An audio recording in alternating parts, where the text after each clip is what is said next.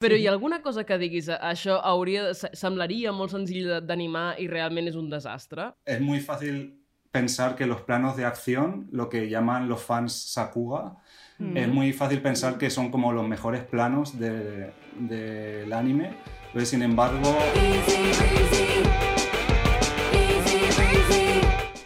Benvinguts i benvingudes al Sopa de Missos. Som l'Adriana Díaz. Adriana. Hola, què tal? Bon dia. I o bona la Mari- tarda. O bona tarda, O el que o bona sigui. nit. Automàticament dic bon dia, però pot ser l'hora que sigui. És dia tot el dia, això és el que deia el meu avi. Exacte. que va anar a Cuba. En algun Ah. lloc són les 7 de la tarda, serà bona tarda. Aviam, atenció, concentrem-nos perquè avui tenim un episodi d'aquests que fan patxoca. Totalment. Uh, avui parlarem de Science Saru. Science Saru és la meca de l'animació japonesa. Una de cada dues pel·lícules, sèries que produeixen està molt bé i l'altra és directament una obra mestra. D'acord? Uau. Eh, És Pa- Paraules majors, eh? paraules Atenció. majors. Sí. Uh, potser és l'estudi d'animació que a mi em manté la fe en seguir anant any rere any al Festival de Sitges a veure l'animació, uh, diguem-ne, Sí, de perquè la sempre porten alguna cosa. Sempre porten alguna cosa de Saru. I és, són sempre perles. Sí. Um, The Night is Short, Walking Girl, per mi és una de les grans pel·lícules, diguem-ne, de borratxera de la història. Tatami Galaxy és una seriaza directament. Devilman Crybaby Uau. està superbé, que és la Total. sèrie que els va obrir, diguem-ne, al Netflix, eh, diguem-ne, d'aquí Espanya. Mm -hmm. Keep Your Hands Off Aizoken és una meravella i ens va salvar la pandèmia a tots. Inu O encara no s'ha estrenat aquí a Espanya, però l'esperem amb candeletes. Total. I fins i tot Ride Your Wave, que habitualment es compta entre les seves obres menors aquí a Espanya, a mi em va fer plorar, però vamos, mm, moltíssim. A mi és que com em fa plorar tot. Ja. Maravilloso. Sí, el, meu, el, meu, el meu nivell, o sigui, el meu rànquing de plorera és, no és fiable, perquè És- jo ploro amb tot, per és tant. insuperable. És insuperable. En tot cas, per què diem tot això? Avui parlarem amb Abel Góngora. Abel Góngora és el director d'animació digital de l'estudi i avui s'ha connectat amb nosaltres des de Tòquio uh, per, bé, perquè li fem mm, unes quantes preguntes. I jo, Abel, t'he de confessar que si no em pares, m'estaré tot el matí preguntant-te coses sobre Science Saru. En tot cas, li donem la benvinguda Abel, què tal? Hola, eh, encantado de estar con vosotras y nada, preguntarme todo lo que queráis. Buah, de moment el que farem serà un petit repàs a la teva filmografia, que és extensíssima, vull dir, uh, és francament impressionant. Uh, L'Abel mm, neix a Elche, uh, però es trasllada a, a França, veritat? A, a França per treballar amb el Cartoon Saloon, amb l'estudi Cartoon Saloon, a Kung Fu. Um, Cartoon Saloon, recordem, és l'estudi de El secreto del libro de Kells, que és una meravella també, Song of the Sea, etc etc. Uh. Um, Kung Fu, això és cap a l'any 2006, em sembla? Ay, no, sé, no soy capaz de decir la fecha, se me da fatal, pero fue, se- fue en Irlanda. Eh, bueno, una Irlanda. pequeña corrección. Nací en Barcelona y crecí en Elche, luego estudié en Valencia y luego me fui a Irlanda y después a Francia. En Francia pasé mucho más tiempo. Sí. Que fuerte. Claro. O sigui, ha, ha vist món, eh? Vull dir, Ha vist món. És, ha, ha vist molt de món i jo vivint a Barcelona tota la meva vida. Increïble. Clar, jo aquí t'he creuat fax i, clar, perquè després has començat a treballar per Encama França, justament amb Wakfu, amb la sèrie de, del Dofus, i després te'n vas anar a, a, a Japó. Bon dia, és que... Impressionant. És que, clar, fort, fort. Quan fa que estàs al Japó?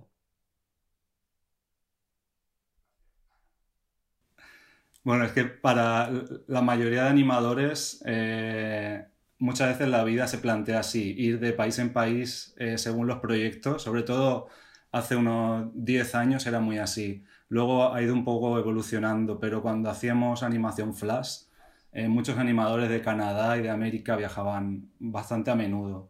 Y ahora, bueno, la vida me ha traído a Japón y llevo nueve años ya. Uau. Uau. Uau, és que, sin, sincerament, Anys, que fort. eh, és com es podria dir que és el somni de la meitat de la població otaku d'aquí Sí. a Barcelona. Sí, jo que el meu somni és trepitjar el Japó en algun moment i de cop és com, no, porto 9 anys vivint allà. Bueno, bé, no? A mi el que em sembla més impressionant és que ets un dels cinc membres fundadors de, de l'estudi Science Saru, juntament amb Enyo Choi i, i Masaki Iwasa mateixos, que em sembla, mm, vull dir, són, són dos grans ídols per mi, absolutament. I, de fet, has estat allà pràcticament des dels, des dels inicis. Jo tenia una primera pregunta, Abel, uh, que no sé si ens pots respondre, però ara mateix amb quin projecte estàs treballant? Amb la pel·lícula de, de Tatami Time Machine Blues o amb la sèrie de Scott Pilgrim? Uh, ahora mismo yo estoy trabajando en Time Machine Blues.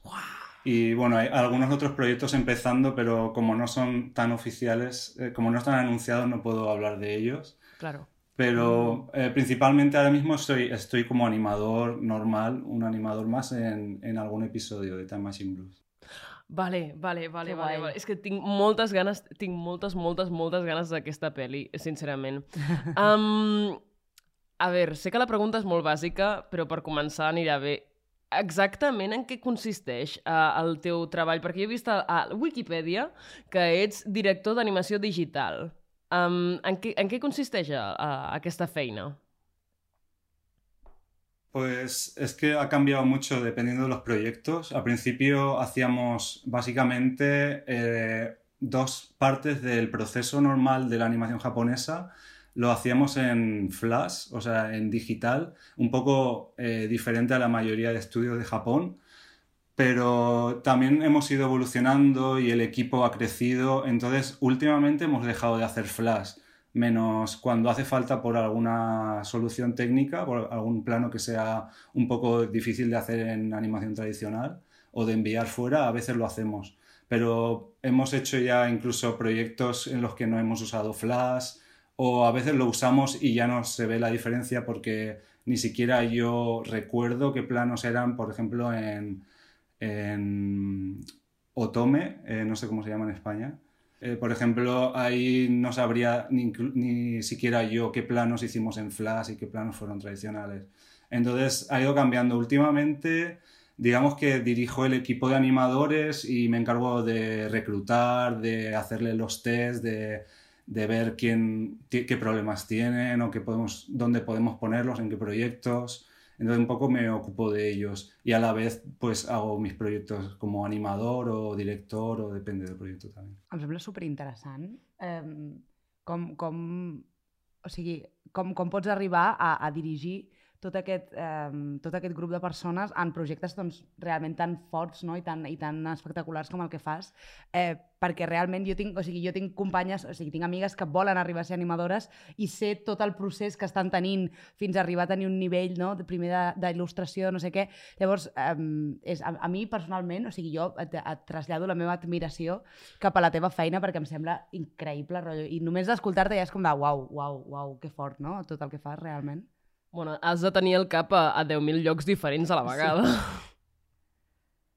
Bueno, no, poco a poco, no sé. El problema es, no sé, también la lengua, eh, hablar en...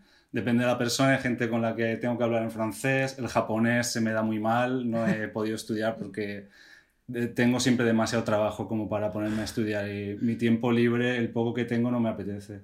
Claro. Entonces, eh, bueno, me defiendo un poco, pero en realidad no hablo bien japonés. Siempre necesito un traductor o algo, si es algo eh, serio. Y eh, bueno, mucho en inglés, no- lo- nos comunicamos mucho en inglés. Y eh, bueno, es un puesto un poco extraño porque no, no existe en otros estudios exactamente, pero se ha ido evolucionando así por el tipo de animación que hacíamos y el tipo de proyectos que siempre hacemos cosas un poco diferentes al resto de estudios e intentamos cambiar un poco los problemas que hay en la, en la industria, aunque no siempre lo conseguimos porque es bastante duro eh, como trabajo, pero bueno, en eso estamos ahora. Quan et refereixes que, a, que feu les coses diferents que la resta de- d'estudis, jo crec que això es pot veure en l'acabat de les pel·lis finals, però no sé si, si ho podries explicar més concretament. Sí, em, por ejemplo, em, hay un estilo un poco propio del estudio que suele ser un poco más simple que la mayoría de anime, o a lo mejor enfatizamos más la expresión que los detalles. Y por una parte es una, un estilo, ¿no? Está elegido a propósito, sobre todo cuando venía dado por Yuasa, Masaki Yuasa pero también hay un, interés en facilitar el trabajo del animador intentar que, que se lo pase bien y que no esté preocupado en tantos detalles que al final eh, la mayoría de anime lo que hacen es ilustraciones que se mueven, entonces es un trabajo sacrificado. Cada color que ves en la imagen moviéndose necesita alguien que dibuje esa línea. Y no solo para los animadores, eso luego se envía y se, hacen los, el, intercalado, los intermedios, eh, se hacen por personas de las que ni siquiera se hablan y que también sufren, ¿no? Porque es un trabajo tedioso. Y bueno, es un, ligero intento de mejorar eso. Y luego, pues también cuando hemos intentado usar Flash, por ejemplo, para planos que, que a mano llevarían eh, meses de trabajo y a lo mejor en Flash, aunque el resultado no siempre es increíble, pero nos ahorra muchas veces ese tiempo y ese esfuerzo. Claro. Hi ha algun sobre el funcionament d'un estudi d'animació que ens vulguis desmuntar? Alguna cosa que la gent pensi que fas i que no fas, per exemple? Ah, pues, o sea, no sé, nuestro estudio no sé muy bien porque somos muy pequeños, pero sí un poco lo que se habla de la animación en Japón, es verdad que hay muchas injusticias y muy mal salario, pero también hay gente que gana mucho dinero y de eso no se habla porque cuando, eh, digamos que dentro de del mundo japonés, cuando, o sea, cuando hablamos de animadores muy buenos y muy reconocidos o que tienen gran reputación, ese tipo de animadores normalmente se ganan muy bien la vida y es, es una especie de trabajo de, de eso, de, ganar tu reputación y claro, cuando alguien de fuera intenta entrar en este mundo, se ve como un gran, una gran barrera que, hay, que es imposible de saltar. Y, y en realidad lo es, si eres extranjero es casi imposible, pero en realidad no es tan malo como se ve. Obviamente es muy malo para la gente que empieza, és molt difícil, més que en altres països. Eso sí. Mm, bueno, una, una mica és el que s'està parlant últimament de, amb MAPA, no? Vull dir que, que tothom està com molt boig amb aquest estudi d'animació, però sí que és veritat que tothom té com aquest meme recurrent de eh, els pobres no veuen la llum del sol, no? Vull yeah. dir que crec que això és una cosa que més o menys és sabuda, que, que es treballa molt i, i, i a vegades molt malament, no? Potser una mica, a, a costa de que quatre guanyin molts diners, eh, hi ha gent que està molt explotada en aquest tipus de... Bueno, clar, quan, quan comences a, i, i més en la cultura de, de l'esforç japonès, això, això és el que, mm. és el que s'entén. Hi ha alguna cosa, Abel, que s'aprengui del teu ofici que només es pugui aprendre amb el temps? Que, que no puguis, diguem, d'ensenyar en cap llibre? Que tu hagis après a còpia d'anys? En animación, eh, prácticamente todo. O ¿Todo? sea, sí, es, es, es trabajar mucho y, y dedicar mucho, muchas horas. Y más o menos cuando has hecho ya un tipo de plano que, que requiere tal conocimiento, por ejemplo, caminar o una perspectiva especial o un tipo de movimiento especial, digamos que, o incluso animar un perro o un caballo, digamos que cuanto más experiencia tienes, una vez que ya lo has hecho una vez, hacerlo la siguiente vez te cuesta un poco menos y, verlo, ver el resultado, también pasa un tiempo y ves cómo queda ya coloreado, ves el, timing que llamamos. Eh, entonces, muchas veces no es lo que tenías en la cabeza, pero cuando lo haces muchas, muchas veces, eh, vas, digamos, eh, se vuelve una costumbre.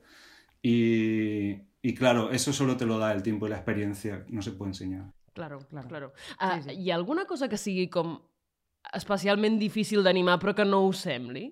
Perquè, per exemple, sabem que les mans són, són difícils, no? Però, sí. però ja, sab, ja ho típica, sabem, no? no? En plan, tothom diu que les mans són horroroses de, de, de dibuixar, de dibuixar i, i de fer. Sí. Però hi ha alguna cosa que diguis, això hauria, semblaria molt senzill d'animar i realment és un desastre? Ojalà digui en plan un plat de menjar, saps? En plan una cosa així. Ni idea. pues la verdad no, no sé muy bien qué decir, pero, por ejemplo, es muy fácil pensar que los planos de acción, lo que llaman los fans Sakuga, mm. es muy fácil pensar que son como los mejores planos del de, anime, pero sin embargo no requieren eh, tanto, no, no, requieren demostrar como la naturalidad de, de, un personaje simplemente hablando y moviéndose en una casa tranquilo. Eh, y además como va rápido, pues como que tampoco se ven tanto los fallos la perspectiva, pues eh, seguramente es un decorado que, que, está pasando y que tampoco se ve. Entonces, es muy impresionante. Normalmente, si están bien hechos, son impresionantes, pero muchas veces un plano mucho más sencillo eh, en eso son maestros Ghibli, ¿no? Por ejemplo, eh, que son personajes que hacen de comer o que hablan tranquilamente en una mesa y ahí es cuando realmente se ve que, que sí, que, la- que la- el animador tiene gracia, ¿no? Para, para hacer, para analizar lo que el personaje está sintiendo o qué quiere expresar y los movimientos son naturales. Eso es muy, muy difícil. Bo, jo, tenia, jo tenia una pregunta molt friki. Molt Vale, friki, molt friki. Bueno, la, la, Mariona, superfriki. la Mariona, perquè ho sàpigues, sempre ve com amb fanfacs i coses així. Llavors jo crec que ara et llançarà alguna cosa així de les que, ell- vull dir que pensa només... És que, eh, vull dir, no, eh, jo sóc superfan de l'opening d'Azoken, sóc superfan, però superfan, en plan, ridículament fan, i sóc molt fan del ball de l'opening d'Azoken, en plan de com un, les, les tres noies ballant em sembla una, una meravella. Uh, sé que l'opening el vau fer el, el Yuasa mateix, uh, Nick McKergo i tu, que és el, el, són les tres persones, els tres noms que surten a, als crèdits justament de, de l'opening. Qui va dissenyar el ball de... Com, com? Un- una animadora que se llama Kinoshita. Y Kinoshita, Kinoshita. ¿Kinoshita algo más? Eri, creo. Eri Kinoshita. Vale. I Eri Kinoshita. Um, qui va dissenyar el ball de, de l'opening d'Izoken? Qui va, qui va ser el mastermind? I per què encara no és amic de la Mariona, aquesta persona? El baile de siluetas creo que lo hice yo, no recuerdo muy bien. El que son solo siluetas creo que lo hice yo. Y los bai- lo que son las poses que se repiten mucho, cada, cada animador hizo su personaje. Yo, yo hice la chica más alta, creo. Kanamori. No me acuerdo muy bien, sí. Està hiperventilant, eh? És que Aquí, on, on la ves, està... Vale, vale, se vale. nos muere Ok, hoy Mariona. Vale. O sea, fue, teníamos muy poco tiempo, entonces eh, digamos que tuvimos que improvisar y hacerlo muy rápido, pero fue divertido. Increïble. pues us va quedar genial. O sigui, per la improvisació us va quedar genial. sincerament, um, uau, fantàstic. Hi ha... Bueno, Adriana, tu mateixa. No, bueno, jo et volia preguntar, de totes les feines en les que tu has treballat, um, o de totes les pel·lícules o sèries en les que has fet, hi ha alguna seqüència o alguna escena de la que tu estiguis especialment orgullós de dir aquesta és meva, aquesta la vaig fer jo? Pues bueno, un trabajo muy, muy gratificante, pero muy, muy duro fue el opening de Devilman, que Mm. hicimos dos Mm. españoles y con la ayuda del, del equipo de animación. Pero básicamente lo tuvimos que crear de cero eh, Juan Manuel Laguna y yo. Y fue muy, muy, muy duro y muy estresante. Pero la verdad es que, no sé, era como Devilman es un personaje mítico y hacer el opening con, no sé, fue, fue increíble. Eso quizá sí, diría que es lo más. Y luego, bueno, el episodio de Star Wars, de Mm. TOB1, que es eh, mi primera vez dirigiendo un episodio y eso. también mi primera vez como director de animación y fue también durísimo, pero bueno, aprendí mucho y bueno, espero hacerlo mejor. Qué guay, yo, me encanta de Star Wars, llevas todo lo relacionado con Star Wars, es como Claro, bueno, no, és, és que vull dir, i a més jo crec que és dels millors epi- episodis de Visions que hi ha. Sí, sí, sí, Vull sí. dir, a més tot l'estil d'animació a lo Tezuka i tal, està supercorredíssim. Està em, genial, em flipa. Um, tinc, jo tinc, tinc una pregunta.